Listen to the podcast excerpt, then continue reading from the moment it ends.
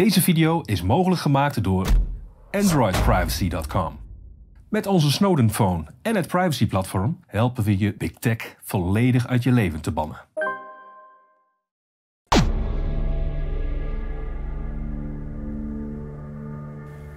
Hallo lieve mensen, welkom bij deze uitzending van Café Weltsmerts.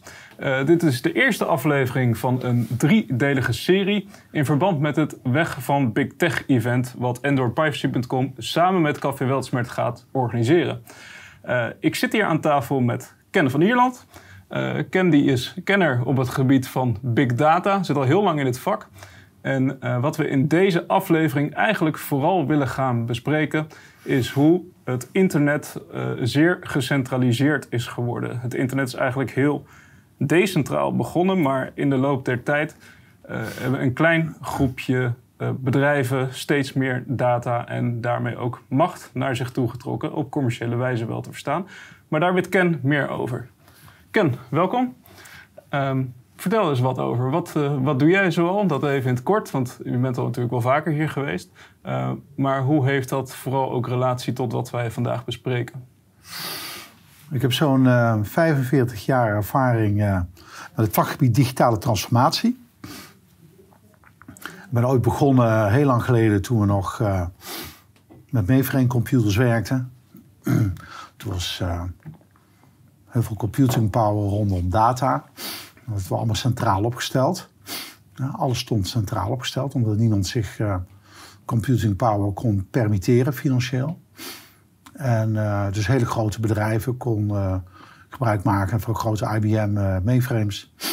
Op basis van timesharing-achtige toepassingen. Um, konden daar dus mee aan de slag. Na verloop van tijd kreeg je eigenlijk een vorm van decentralisatie met minicomputers. Kregen we de eerste netwerken, de eerste LANs en WANs kregen we. En dat is uiteindelijk uh, is dat overgegaan naar internet.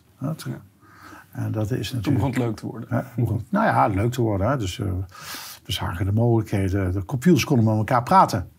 maar niet alleen computers, ook mensen konden met elkaar praten over uh, het netwerk. Snel informatie delen.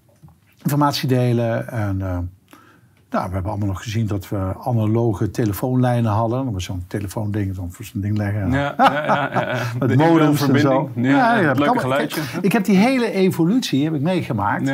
Van dat niemand computers had, dus alleen. Hè, dus uh, hele grote bedrijven, mainframe computing. Dat was natuurlijk wel een hele interessante in die tijd. Wat interessant is dat we vertrokken zijn vanuit. Uh, heel goed begrepen dat eh, data heel belangrijk was. En dat we data centraal opstelden. Dat we dachten over architecturen en uh, datamodellen. Dus dat hadden we heel goed georganiseerd eigenlijk, hè, jaren 60, 70. En we hebben dat pad verlaten. En uh, zijn we het meer gaan democratiseren. Um, door ontwikkeling van technologie. De PC was natuurlijk een uh, belangrijke, dat is wat we nu laptops noemen. Dat was natuurlijk een belangrijke bijdrage, microcomputers. Omdat we die computing power eigenlijk uit de fingertips van iedereen wilden brengen. En heel veel bedrijven hadden daar dus best wel baat bij. Dat mensen dus konden ontwikkelen op computersystemen die ze lokaal onder hun desk hadden. Ja. En uh, dat was natuurlijk heel mooi. Alleen het probleem was dat dat ook leidde tot anarchie. En het leidde tot uh, anders omgaan met de IT. Mhm. Waarbij we steeds meer applicatiecentrisch werden. Waarbij we data niet meer zagen als uh, een belangrijke voorwaarde. Maar dat we allemaal dachten in het beschrijven van processen van bedrijven. Alles in processen stoppen. En we gingen eigenlijk alles tot in de hemel automatiseren. Het was gewoon automatiseren. Dat zijn we later digitalisering genoemd. Um, maar we komen nu, zo verlieverlee, tot de conclusie dat data de bron is voor innovatie. Ja. Data de bron wordt voor uh, hele grote bewegingen in onze samenleving. En de jongens die nu zo groot zijn geworden, die hadden dat al heel vroeg door waarschijnlijk. Nou ja, nou, nee, want kijk, Google bestaat nog niet zo lang hè. Uh, dus veel van die grote jongens, kijk IBM wel, maar ja. er zijn nu veel grotere partijen. Wie had ooit gedacht dat Apple een bedrijf zou worden met een waarde van 2000 miljard? Mm -hmm. Dat is twee keer het bruto nationaal product van Nederland. Ja. Zit in één bedrijf. En, en, en, waren bijna een kopje ondergegaan trouwens, maar daar heeft Bill Gates toen zelfs mee geholpen. Dat, ja. Super knap allemaal, hè? Dus het is super knap als je ziet wat er allemaal gebeurd is. Mm Twintig jaar geleden was Apple Chapter 11 en met een check van, van 100 miljoen van Bill Gates. en natuurlijk hele knappe koppen. De Steve Jobs, en het lanceren van mooie producten en, en, diensten uitgegroeid tot een van de meest rijke bedrijven in de wereld. Ja. ja maar dat zie je ook uh, met Tesla bijvoorbeeld. Dat is nu meer waard dan alle automobielfabrikanten bij elkaar. Een hele korte tijd. En, en, het fenomeen wat je daar doorheen ziet lopen is data. Ja. dus da datacentrisme geeft je de mogelijkheid om heel veel waarde, immateriële waarde, maar ook heel veel materiële waarde te ontwikkelen. Mm -hmm. En we hebben het tijdens de vorige sessie ook gehad over de sinistere kant van data is dat, uh, dat, als je daar grip op wil gaan krijgen, uh, dat dat ook kan leiden tot een control state. Ja, en mensen zijn er eigenlijk een beetje ingelokt, zou je misschien kunnen zeggen. Want al die diensten zijn allemaal gratis. Zijn allemaal super gebruikersvriendelijk. Zijn natuurlijk, doordat ze meer data vergaren, kunnen ze ook gebruikersvriendelijker maken. Uh, ik vind het woordje lokken vind ik een beetje een negatieve connotatie hebben. Het is super slim wat men bedacht heeft. Mm -hmm. Het is gebaseerd op slimmigheid Waarbij primair de, de, de, de, de oprichters en aandeelhouders van dit soort ondernemingen gericht zijn op aandeelhouderswaarde. Ja, om geld te verdienen. Ja. dus. Uh, dus dan wil je zoveel mogelijk gebruikers. Uit zo'n Zuckerberg onder, ondervraagd werd uh, uh, door allerlei commissies. En toen zei, die vroeg die rechter van, what's your business? Hè? Dat ads. Ja. my business is ads. Mm -hmm. En dat had hij natuurlijk ook gelijk in. Maar dat is natuurlijk op een super slimme manier gebruik maken van data waarmee je ongelooflijk veel geld kan verdienen. Ja. Nou, daar is op zich niks mis mee. Um, waren het niet dat op een gegeven moment een geweldige machtsconcentratie gaat ontstaan. Ja. Maar zo is het allemaal nooit begonnen. Hè? Kijk, we, we, zijn ooit begonnen met uh, decentrale netwerken, waarbij we computers met computers met elkaar verbonden, die konden met elkaar praten. Ik heb heel lang bij uh, Digital Equipment Corporation gewerkt. En die hadden DECnet op de markt gebracht. En DECnet was eigenlijk in die tijd de voorganger van het huidige internet. Waarbij we honderdduizenden computers aan elkaar koppelden. Waarbij die computers allemaal met elkaar konden praten. En er zaten honderdduizenden gebruikers zaten erachter. En grote uh, central netwerken, sternnetwerken. Waarbij we ook zelfs, dat was heel bijzonder in die tijd, IBM-computers met elkaar konden laten praten. Dus dat was wel. Uh, dus digital was, was in, die, in die tijd een frontrunner in de markt technologisch gebied. En die hadden geen enkele politieke ambities. Dat waren begeisterde techneuten die mooie dingen wilden bouwen. En die dus bedrijven wilden helpen om, mhm. om hun business efficiënter te maken. Dat, met name in die tijd was efficiency was een hele belangrijke rol. En kijk, dat deknet, dat is toen uitgegroeid eigenlijk. Dat heel veel mensen dachten, god, ja, daar kan ik nog veel meer mee. Ja. We hadden producten als fax notes Waarmee we als gebruikers met elkaar konden communiceren. Dan kon je dingetjes op het netwerk gooien. Hallo, wie ben jij? En dan kon je met elkaar praten. Zoals het internet nu ook is. Ja. Hè? Toen je online met elkaar kon bellen. En messages kon, kon uitwisselen. En toen is er een hele slimme meneer gekomen. En die heeft toen het internet ontwikkeld. Als een soort decentraal uh, net. En open voor iedereen. En dan kon je alles opgooien, kon je alles met elkaar delen. Mhm. Dus daar werd eigenlijk niet zoveel regie. Er werd nul regie overgevoerd. Echt anarchistisch een beetje. Nou, anarchistisch. Het, was, kijk, het waren techneuten, het waren geen anarchisten. Dat waren mannen die dus met technologie in staat waren om heel de wereld met elkaar te verbinden. En hele mooie protocollen daarvoor bouwden. En, uh, en dat werkte.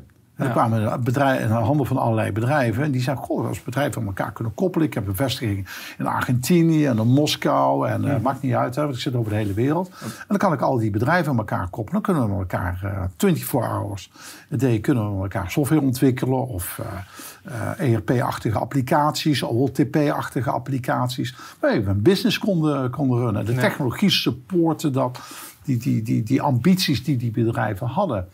En dat was natuurlijk heel erg mooi. En toen kwamen er hele slimme jongens op de markt. De, Google-jongens. En die dachten van... Oké, maar kan ik ook vragen stellen aan het internet? En, en toen kreeg je eigenlijk dus met logaritmes en algoritmes... kreeg je de mogelijkheid... en dat heeft zich nu ontwikkeld in een fabuleus snel tempo... Mm ik kan me nog herinneren dat Roel Pieper ooit zei, begin 2000 dat het internetwoord um, gewoon de main infrastructuur van onze maatschappij. En we zijn nu twintig jaar verder. En eens kijken hoe snel dat gegaan Ja. is. Hoe wereldomvattend het is. En hoeveel data wij per dag met elkaar genereren. En dat, en, en dat creëert natuurlijk weer hele andere eh, paradigma's. Ja, ja zeker. Dus iedereen gaat nu begrijpen dat data is eigenlijk de new oil. Dus een nieuwe olie, alleen het grote verschil met olie is dat van, eh, van olie kan je er niet genoeg hebben. En, en van data hebben we gewoon gigantisch veel. Ja. En niet alle data is evenveel, eh evenveel waard. Hè, en we produceren er gigantisch veel van. Wat kan je nou eigenlijk met al die data? Mhm. Ja? En, en, en dat is interessant. En, en dan zie je dat bedrijven zien van, daar kan ik geld mee verdienen. Zoals Google, die kan er verschrikkelijk veel geld mee. Die hebben een hele infrastructuur gebouwd. Die hebben in internet around the globe hè, voor 29 miljard geïnvesteerd om een infrastructuur aan te leggen waarmee die data eigenlijk gewoon 24 uur per dag gewoon rondgepompt kan worden. Ja. Wow, wow, wow, Ja, wow. ja. En maar rondpompen. En daar allerlei functionaliteiten rondom ontwikkelen. En dat, nou, dat groeit en dat bloeit. En, en daar, daar, ontstaat ook, ook mensen die in de politiek zitten, dus in de macht Ik zitten, vind dat interessant. die ja. vinden dat eigenlijk wel interessant. Ja, ja, want Google weet alles. Dus daar kun je heel Dus veel mee die en die willen het aftappen. Ja, En, en, en, maar dat is op zich niet nieuw. Hè? Dat heb ik ook in die andere interviews heb ik dat aangegeven. Dat eh, we, we natuurlijk de, de politiek, de macht natuurlijk altijd probeert grip te krijgen op zo'n samenleving. ja. Het is ook logisch, eh, want als je macht hebt, wil je die behouden. hè? Ja, en, en, en je ziet gewoon dat, hè, dus, eh, de, de, wat over, we hebben het gehad over de Magna Carta, we hebben het gehad over eh, de, de boekdrukkunst. hè, en uiteindelijk heb je later, ehm, in aanloop naar de Franse Revolutie, de drukpers gekregen. En, en de Franse Revolutie was nooit gelukt als we niet de technologie van de drukpers hadden gehad. Ja, Maar we konden leaflets maken ja, ja. waarmee we het volk konden mobiliseren tegen de, de, de, de machthebbers van die tijd. Ja. Dus de Franse revolutie is ook gelukt. ehm, doordat men gebruik maakte van technologie om het volk op te ruien. eh, om zich te verzetten tegen de wereldlijke macht. Dus de aristocratie toen in Frankrijk. En toen hebben ze allerlei nieuwe technologie als de guillotine in, ingezet. Ja, ja, ja. Ja, de, de hele adel, 40.000 man, zijn in een paar jaar tijd zijn, eh, via de guillotine gegaan. Eh, dus, dus, je ziet gewoon dat. En, het- en de data was de onderliggende factor daar eigenlijk. Want het was natuurlijk analoge data in die tijd. Ja, precies. Ja. Ja. Waarmee men een om, omwenteling, het is ook tegen de, de kerkelijke macht, die daar die, die hadden s- s- samenspeelden met, samenspeelden met de, de wereldlijke macht. En daar is uiteindelijk de Franse Republiek uit voortgekomen. En, eh, dus die, dat soort ontwikkelingen in combinatie met technologie eh, is heel belangrijk. Ja, dus dat zag je ook in het internet, dat de vrijheid om informatie te kunnen delen, die was er eigenlijk 100%. Absoluut. Die werd in geen enkele uh, Was manier niemand, werd er een was niemand die zei, wat mag jij niet op het internet zetten? Nee, nee, en iedereen kon eigenlijk altijd alles plaatsen op het Ja, internet. ja. Alleen naarmate die, die macht steeds gecentraliseerder bij die grote bedrijven is gaan liggen, hebben we de afgelopen jaren in één keer een trend gezien waarbij dat niet meer het geval is. Waarbij er in één keer spelregels bepaald worden, eh, wat er wel en niet geplaatst mag worden. Wat er wel en niet... Ja. Eh, nou, tot de spelregels komen, hè. Dat, dat begrijp ik. Hè. Dus je ziet dat iedereen beweegt zich op dat internet. Mhm. Ehm, dus iedereen eh, deelt informatie met elkaar. Mhm. En ehm, op een gegeven moment gaat dat natuurlijk ook invloed hebben op de macht Ja, en de politiek. Mhm. En, ehm, en op een gegeven moment gaan we regels stellen. Dat doen we in het verkeer ook. Hè. Bij rood stoppen we en bij groen eh, mag je doorrijden. En bij zebrapaden moet je verstoppen. En zo hebben we allemaal regels ge- gedaan, gemaakt om onze samenleving te organiseren, te structureren. Omdat we chaos willen voorkomen. Mhm. En dat is natuurlijk de mens heeft die neiging om te structureren. ja. Dat doen we. hè. We willen ga- eh, orde in de chaos creëren. En uiteindelijk zie je dat er zoveel regels gaan komen... dat op een gegeven moment die, die, die hele regulering weer leidt tot nieuwe chaos. ja. Die leidt tot eh, verzet, die leidt tot eh, eh, machtsconcentraties... die leidt tot eh, ehm, eh, liberaliseringstendensen. dat mensen zeggen, ja, maar hoe ver gaan we nou? Wat mag ik nog wel, wat mag ik niet? Hè? Ja, En- omdat, dat is ook absoluut niet duidelijk. Hè? Het wordt telkens verwezen naar de community guidelines. Ja, en ja, wat zijn dan de community guidelines? En Ja, waar moet Ja, ja. Nee, ik ben- ooit CIO geweest Een heel groot bedrijf in Nederland. En ehm, toen kwamen wij er dus achter dat een heel groot percentage van de data die door die systemen die mainframes heen liepen, mhm. niks te maken hadden met het bedrijfsproces. Want er zat een significante hoeveelheid data die te maken hadden met pornografie.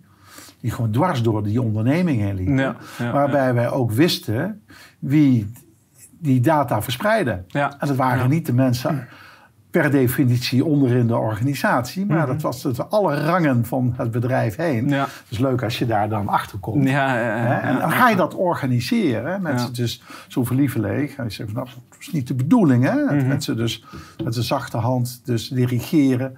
Dus je gaat structureren om te voorkomen. Want het kost nu verschrikkelijk veel geld. En de liabilities Tuurlijk, zijn is bij een commercieel bedrijf ook heel normaal dat je dat, je dat doet, toch? Dus we gaan dingen organiseren, structureren, reguleren. Om te zorgen dat we structuur krijgen in die hele chaos. Maar de discussie komt wel vooral doordat er ook daadwerkelijk politieke inmenging is. Absoluut. En dat, dat is vooral waar het bij mensen de gevoelige snaar raakt natuurlijk. Dat bijvoorbeeld het begin van de corona-situatie... dat daar direct al gezegd werd dat de spelregels van de WHO... Hè, alles wat volgens de WHO bepaald wordt, dat klopt. En alles wat daar buiten valt, dat gaan we verwijderen of dat gaan we censureren. Ja. En dat is waar vooral de, pijn een beetje zat natuurlijk. Kijk, het probleem met de politiek is, met, en politici, is dat ze eigenlijk agnostisch zijn. Mm dat ze uh, niet, vak in, niet vakdeskundig zijn. Hè? We hebben het dan wel eens over vakministers, maar als je goed kijkt, dan zie je dat, dat dat zie je bijna niet meer. Vroeger was dat wel zo, nu zie je dat in veel mindere mate. Mm en dat betekent dat, dat men eigenlijk uh, incompetent is ja. op heel veel terreinen. En dat die overheid voortdurend voorsorteert op one size fits all benaderingen. Mhm. Dat zie je in Brussel, zie je dat massaal gebeuren, maar dat zie je in Den Haag ook gebeuren. Dat zie je binnen de Verenigde Naties gebeuren. En dat is een heel groot probleem, omdat de technocraten ehm, toegang krijgen tot dit soort technologieën, eh, eigenlijk de materie niet goed begrijpen. Mhm. Ehm, en dan worden ze speelbal van heel veel uh, belangen. Ja.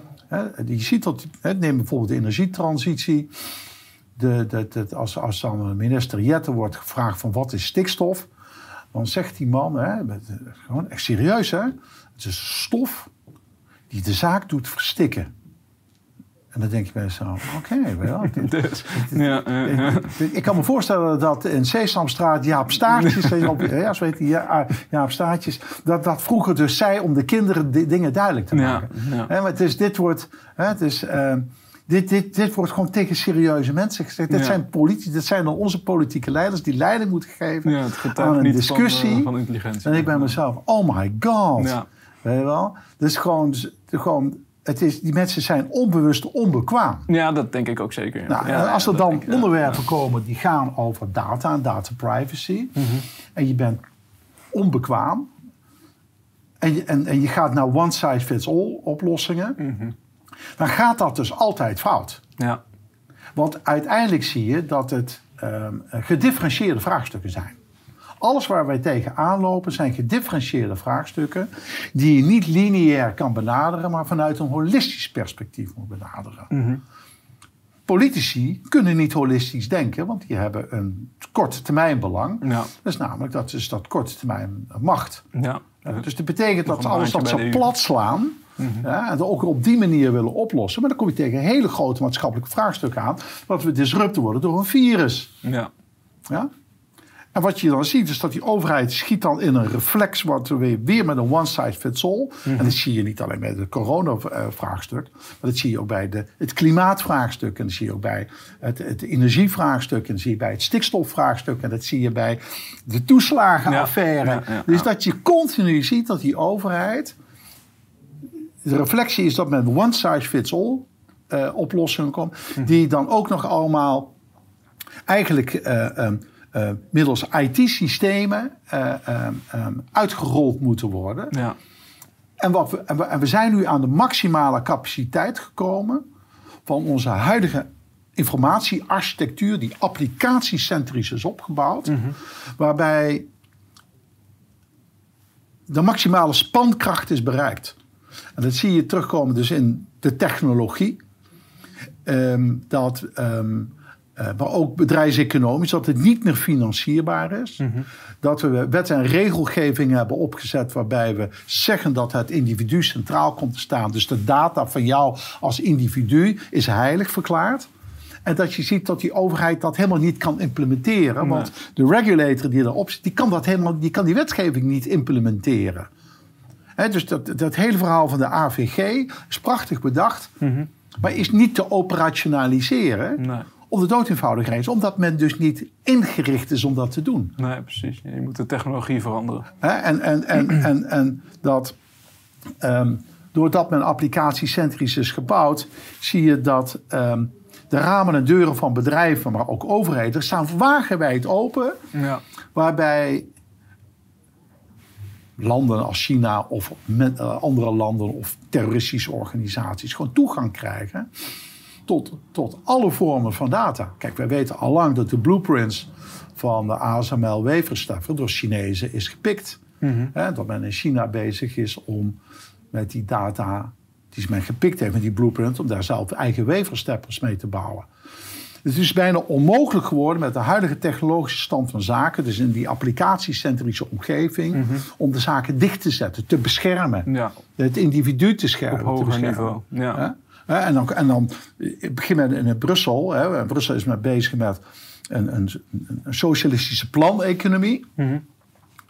Waarbij men met grote systemen die men wil gaan bouwen, of die men al aan het bouwen is, waar men de burger mee wil gaan sturen. Dus alle data van het individu achter een QR-code plakken. Ja.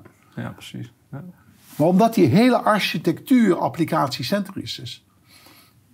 En men, men aan die da- met die data die daaronder zit, wil men dingen gaan doen, functionaliteiten creëren, waarvan uit mijn ervaring, ik zeg van, dat gaat dus nooit lukken. Dus die hele data privacy is niet meer gewaarborgd. Nee, dat, daar kan je vanuit gaan. Ja. Eh, dus dat betekent dat er heel veel problemen gaan ontstaan. Waarbij misbruik wordt gemaakt van persoonlijke data. Ja. En dat hebben we natuurlijk al gezien met eh, Britain eh, An- Analytica, met de de Amerikaanse presidentsverkiezingen. Ja, ja, ja. is dat er dus grapjurken zijn die misbruik maken. En wat hebben we met de mondkapjesdeal gezien? Je ziet gewoon, er Ja, zijn ja, allerlei ja. mensen die slim zijn, die gebruik maken van de, de, ze de impotentie van de overheid. Om daar dus heel veel geld te verdienen en dingen te doen eh, die daglicht niet kunnen verdragen. Ja, dat is ook een beetje onze boodschap. Dat je er niet vanuit moet gaan dat dit op hoger niveau opgelost gaat worden. Maar dat je op eigen individueel niveau met oplossingen idee. bezig moet zijn. En jezelf idee. zelf je relatie met technologie moet gaan veranderen. Dus zelf technologie moet gaan gebruiken die eh, privacyvriendelijk is, gedecentraliseerd is, eh, free en open source is. eh, waardoor je ja, alle macht weer zelf bij jezelf pakt en niet gaat vertrouwen in een stel incompetente politici die zeggen dat ze het allemaal op gaan lossen. Want dat, dat ziet er niet naar uit op dit moment. Maar daar ben je het wel mee eens, geloof ik. Ja, nou ja, kijk, je ziet natuurlijk door de eeuwen heen. dat, dat, Kijk, vroeger zat het woord, het macht van het woord zat bij de monniken. Want Die schreven de Bijbel, die schreven de boeken. En daarmee hadden ze ook de macht over het woord. En toen kwam de boekdrukkunst, waarmee je in staat was om die macht van die monniken echt weg te trekken. Anders had, eh, was de reformatie dus nooit ontstaan. Ja, dus, eh, Luther had nooit zijn, eh, zijn, zijn verhaal eh, kunnen publiceren als er geen boekdrukkunst was geweest. Mhm. En ik heb het net over gehad over de Franse Revolutie, dat de drukpers, Ja. Mhm. dat ging nog een stap verder, is dat je industrieel het woord kon verspreiden. Maar dat was allemaal nog analoog. Mhm. Hè, En nu leven we in het tijdperk dat we dus digitale boekdrukkunst hebben, een digitale drukpers hebben. En dat is het internet, Ja. waarbij we het woord wereldwijd kunnen, kunnen verspreiden. ja, En, ja, en, zeker. en dat geeft een enorme vrijheid en dat geeft een enorme mogelijkheid tot materiële, maar ook immateriële waardecreatie. Mhm. Eh, want het is niet alleen maar materieel, maar er is ook heel veel immateriële waardecreatie. Waarbij we kennis kunnen delen, kennis kunnen democratiseren. Ja. Waarbij we kennis zodanig kunnen delen dat mensen zeggen, tegen een aha-erlevenis zeggen: Oh, dat vind ik hoogst interessant. Daar kan ik me in gaan verdiepen. Ja. Ja, Eh, eh, dus, dus het heeft ongelooflijk veel positieve effecten. Zeker, Dus, ja. dus die decentralisatie heeft tot geweldig veel waarde geleid. Maar nu zien we een tendens, hè, en dat zien we afgelopen jaren. Hè? Afgelopen jaren. Dus een geweldige tendens, hè? met name in Europa. Waarbij we dus alle plannen van de, de, WEF aan het, om, aan het met de ESG en met de DSG-programma's aan het omarmen zijn. Mm -hmm. En uh, daar kan je hele grote vraagtekens bij zetten. Um, want uiteindelijk is dat een centralisatieslag. Ja. Een enorme centralisatieslag, waarbij um, de politiek de macht gaat krijgen over het hele decentrale, de decentrale wereld. Waarbij de vrije markteconomie wordt onderworpen aan, uh, aan regels. Waarbij ernstige vraagtekens moet af. Ja. Dus de, we ja. zien wat er is gebeurd in, uh, in uh, Sri Lanka. Hè, wat heeft geleid, uh, dus dat hele beleid heeft geleid tot enorme armoede. Chaos. En chaos. Ja. En, en voedselschaarste. Mhm. Mm -hmm. en dus we zien dat die experimenten om alles centraal te trekken, in de, uh, dat in de handen te krijgen van een, een beperkt aantal agnostische mensen, dat dat levensgevaarlijk is. Ja, zeker. We zijn ook groot voorstander van de vrije markt en decentralisatie. Entrepreneurship, het, het, individu. Ja. Hè? En natuurlijk is het zo dat we regels hebben. Hè? We rijden ook niet met 180 km per uur door een woonwijk heen. Mm -hmm. zijn dus, we hebben dus heel veel goede regels waarmee we ordening scheppen in onze samenleving. Ja. Hè? Maar waarbij wel het individu Voorop centraal staat. Hè? Ja. Dus dat wat mooi van de AVG was, dat het een level playing field creëerde vanuit de gedachte om onze democratieën te beschermen, waarbij het individu centraal werd gesteld. Dus de data van het individu, jij gaat over de data Ja. van, van, van jouzelf. Ja, ja. Ja, daarom zijn we, ook tegengestemd tegen de sleepwet. Ja, waar ik zeg, dat willen we niet. Mhm. Hè, want we uiteindelijk willen we, natuurlijk willen we veiligheid hebben, we willen antiterrorisme hebben. En dan zie je dat op een gegeven moment de politiek wordt autocratisch. Hè, die zegt van ja, nee, maar men, men, men zoekt dan toch de mogelijkheid om gebruik te maken van data Mhm. als de bron. In, in de digitale wereld gaat er maar vanuit dat alles digitaal wordt. Mhm. Niet alles, maar veel dingen. Dus qua infrastructuur wordt, wordt digitaal. Dan is data de bron. Ja. Kijk, aan data aan zich heb je niet zoveel aan. Want data is in DNA-vorm is het eigenlijk Lego-blokjes. Je hebt een grote doos met Lego-blokjes. Maar met Lego kan je huisjes bouwen. Je vliegtuigjes maken. En dan wordt het informatie. Dus in de datawereld wordt die Lego wordt informatie. En die informatie kan je relateren aan elkaar. Dan krijg je context. Ja. Dus Ja. jij staat, jouw profiel staat in duizenden databases. Hè, bij de UWV, bij de Belastingdienst, bij Rijkswaterstaat, bij, overal. En uiteindelijk gaan ze, willen ze die data interrelateren aan elkaar. Hè, waarbij je gebruik maakt van GPS-technologie. Waar was u gisterochtend om half negen? Ja. Nou, dat weten wij. Ja, En we weten ook wat je aan het doen bent. En waar je naar aan het kijken was. En. Dus op een gegeven moment weten we heel veel van jou. Nou, daarom hebben we die AVG. Om dat te beschermen, om te zorgen dat niemand met jouw data iets kan gaan Mhm. doen. Dat dat niet zomaar mag, dat jij daar toestemming voor moet gaan leggen. Ja. Nou, dat, nou komt er een spanningsveld dat we enerzijds dus die wetgeving hè, hebben opgezet, maar anderzijds de zucht naar de macht. Maar ook de zucht naar, hè, meneer Van der Linden hè, met zijn met zijn mondkapjes. Ja. Hè, dat mensen de zucht hebben naar, naar geld verdienen. De zucht naar macht, de zucht naar de greed. De greed naar macht en de greed naar geld. En dan gaan er dingen, dan gaan er sinistere dingen gebeuren. Dus je denkt wel dat er een soort van juridische strijd gaat komen. Enorm. Zometeen. Ja. Ja. Het is een enorme. Hè, dus dat, je ziet ook dat data privacy is een, is een super interessant onderwerp. Ja, ja. Omdat eh, bedrijven zeggen van. eh, Het is ook geen ik doe business over zoveel landen. En ik verzamel al die data. Van wie is die data? Wat mag ik met die data? Ja. Wat kan ik met die data? En dat moet je organiseren. Dus er zijn dus duizenden juristen wereldwijd die daarmee bezig zijn. En dat komt ook bij de politiek. Ja, uiteindelijk komt het natuurlijk altijd bij de politiek. Alleen, dan wordt het een, een, een schimmig spel. Ja. En dat zien we dus ook met die hele klimaatdiscussie. Dat, dat, dat is niet meer in handen van wetenschappers. Veel zwartgelakte documentjes, veel... eh, ja, Het, het wordt veel politiek geladen. Ja. En op een gegeven moment zie je dat de politiek en het grote industriële complex... die, gaan, die worden vrienden van elkaar. Mhm. Want we zeggen, we moeten naar een energietransitie toe. Hè? Die is wetenschappelijk niet echt goed gemotiveerd. En dan gaan de Shells en de Eneco's en de Vattenfalls van deze wereld... Ja. die gaan ze- zeeën volzetten met, met windmolens. Verdienen ze verschrikkelijk veel geld aan. Corporocratie. En precies, hè? Dat, dat is wat er gebeurt. En uiteindelijk zie je dan, gaan er problemen ontstaan. Want dan zeg je, ja, het, net, het, het elektriciteitsnet zit vol. Ja, maar we moeten gaan elektrificeren, want iedereen moet in een elektrische auto. Ja. Kan helemaal niet. Kan helemaal niet. Ja. Of er komen waanideeën van waterstoffabrieken gaan we neerzetten op de Maasvlakte. Waterstof, waterstof. Wat moeten we nou met waterstof? Ja. Als je weet dat voor het opwekken van waterstof, dat gebeurt met de elektriciteit.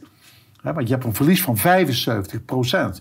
Dus dat betekent dat de politiek en, en, en dat zie je dus ook in de data en in die digitaliseringswereld, zie je dat, dat, eh, dat bijvoorbeeld Brussel, eh, eh, de politiek met grote Europese IT-bedrijven een soort conctie sloten om Gaia X op te zetten. Ja. Dus het is exact hetzelfde. Waar ze een heel groot megalomaan systeem willen gaan bouwen. Dat is allemaal mislukt. Ja, ze zijn het weer opnieuw aan het proberen. Om te, om te knokken tegen de Googles en de Facebooks en de Apples. En de, Ja. Nou ja, gewoon de, het- alles wat in Silicon eh, eh, Valley plaatsvindt. Ja. Maar ook wat er in Israël plaatsvindt. En, en, dus je ziet het grote gevecht van de decentralisatie versus de centralisatie. Die battle, die wordt nu keihard uitgevochten. Ja. Ik kan je verklappen, niet verder vertellen wie dit gaat winnen. Je mag gewoon fluisteren als je wil. Decentralisatie gaat Ja, ja dat denk ik ook. Want uiteindelijk dat kan je je niet dat stoppen. Het is dus niet die eh, vrije markteconomie, dus het, het entrepreneurship, Mhm. technologische ontwikkeling, is nooit centralistisch ontwikkeld. Nee. Is altijd decentralistisch ontstaan. Ja. En uiteindelijk zie je tot daar een stukje regulering plaatsvindt. Maar zodra de politiek zijn handen eromheen gaat slaan en dan ook nog hand in hand gaat met het grote industriële Mhm. complex, dan wordt het link. Dan wordt het supergevaarlijk, Ja. want dan worden het subsidieprojecten. Ja. En wie betaalt die subsidie? Jij betaalt dat, Ja. de burger. Liever niet, Maar jij maar, ziet het op je energierekening. Ja, Ja? nee, inderdaad. Ja. Nou ja, ik denk inderdaad ook dat decentralisatie het, eh, het zeker gaat winnen. Alleen dan moeten de mensen wel weten waar ze terecht kunnen en welke technologie ze dan wel kunnen gebruiken. Want er ontstaan gewoon Oh, prachtige, weten mensen prachtige wel. initiatieven. Ja, maar dat weten mensen wel. Maar daar gaan we ze bij, gaan we ze bij Als je nu in een hele grote zaal, dus het 5000 man in die Ja. zaal. En dan vraag je aan die zaal, wie heeft er hier nog een iPhone 1? Mhm, Er is niemand die zijn vinger omhoog steekt. Nee, nee, nee, nee. Maar met decentralisatie bedoel ik ook wel vooral initiatieven. Dus een gedecentraliseerd Maar dat blijft eh, initiatief continu voor, ontstaan. voor YouTube. Of voor eh, Web 3.0 initiatieven. Continu, voor, hè? voor berichtapps, WhatsApp. WhatsApp, TikTok, eh, Telegram. En je ziet het dus waar ze proberen er zo'n handel omheen te leggen, Mhm. vliegt het er weer tussendoor, omdat er allerlei nieuwe initiatieven Ja. ontstaan. Hè, waarbij hele slimme mensen hele slimme dingen doen. Zo Mhm. is ook het internet is zo ontstaan. En dat blijft dus, dus, de, dus de, de zucht om dingen te centraliseren en daar een machtsfactor op te zetten, Mhm. dat mislukt altijd. Ja, dat denk ik ook. Ja, mensen gaan het op een gegeven moment doorzien. En op het moment dat het, Maar het eh, richt heet wordt in de aan. strijd. Het ja. richt schade aan Ja. in onze samenleving. Dat zien we dus nu. De chaos in Europa. Kijk naar de politieke chaos in Nederland. We hebben bestuurlijk nog nooit zo'n chaos gehad Mhm. Ja. als nu. Waarbij onze hele welvaart wordt opgebrand aan ideële waanideeën. Mhm. ja? Ehm, waarbij gebruik wordt gemaakt, op een verkeerde manier gebruik wordt gemaakt van technologie. Ja. Dat zien we strategisch, dat zien we bedrijfseconomisch, dat zien we juridisch, dat zien we sociologisch, zien we dat. Dat er dus hele grote problemen ontstaan door op een verkeerde manier om te gaan met technologie, met eh, data, met door op de verkeerde manier innovatie toe te passen, waarbij we kapitalen gaan verbranden, waarbij we alle vormen van wet en regelgeving overtreden, waarbij we die ook gewoon met voeten treden. Ja? Waarbij de democratische waardes die we zo lang hebben en instituties die we hebben opgebouwd, dat we die kapot aan het maken zijn op basis van het idee van een hele kleine elite die denkt dat ze de wereld kunnen gaan, bestu- Ja. gaan, gaan besturen. Mhm. Maar Ja. we hebben dat eerder gezien. De hele menselijke geschiedenis. Is een hele menselijke geschiedenis. Dus het blijft zich maar herhalen. En, en, en, En, en, we zitten nu in het tijdperk van de technocraten. We hebben het verleden keer ook gehad over het idee van de CO2-footprint met Barbara Baarsma. Mhm. Van wat voor levensgevaarlijke ontwikkelingen dat ja, zijn. Zeker, ja. En, en, en, en, en je ziet dat, dat een Rabobank richt dan een carbonbank op. dat ze dus over, de, over de draaischijf van de energietransitie mhm. jou als burger willen vastklinken aan die energietransitie. Om daar dan uiteindelijk geld te gaan verdienen als een soort cryptocurrency platform. waarbij ze dus. We kunnen CO2 gaan verhandelen. Dus wil jij op vakantie gaan, dan moet je CO2-permits uh, moet je, moet je, moet je kopen. Ik denk wel dat het goed nieuws is, want het zal mensen uiteindelijk alleen maar sneller richting alternatieve betalingssystemen Tuurlijk. Uh, het verzet. Trekken. Hè, dus, dus zo is ook de Franse revolutie uiteindelijk ontstaan. Is dat de massa zich ging verzetten tegen een kleine groep aristocraten die de macht zo naar zich toe getrokken hadden in combinatie met de klerus. Dat dus de maatschappij verstikten. En men zo ver van de realiteit ging afstaan. Maar nou komt hij, hè? Dat Marie-Antoinette zei van... Hoezo hebben ze honger? Ze kunnen toch gewoon cake eten? Mhm. en, en, eigenlijk zie je dat... hè, dus dat meneer Jette zegt van stikstof... Oh, met een stof die alles verstikt. Ja. Hè, dus je ziet dat, dat men in hun waanideeën... Maar het is wel gevaarlijk, want die mensen die gaan wel over uiteindelijk over al die technologische middelen, waarbij miljarden investeren bij de overheid op jaarbasis, zie je dat daar op een gegeven moment.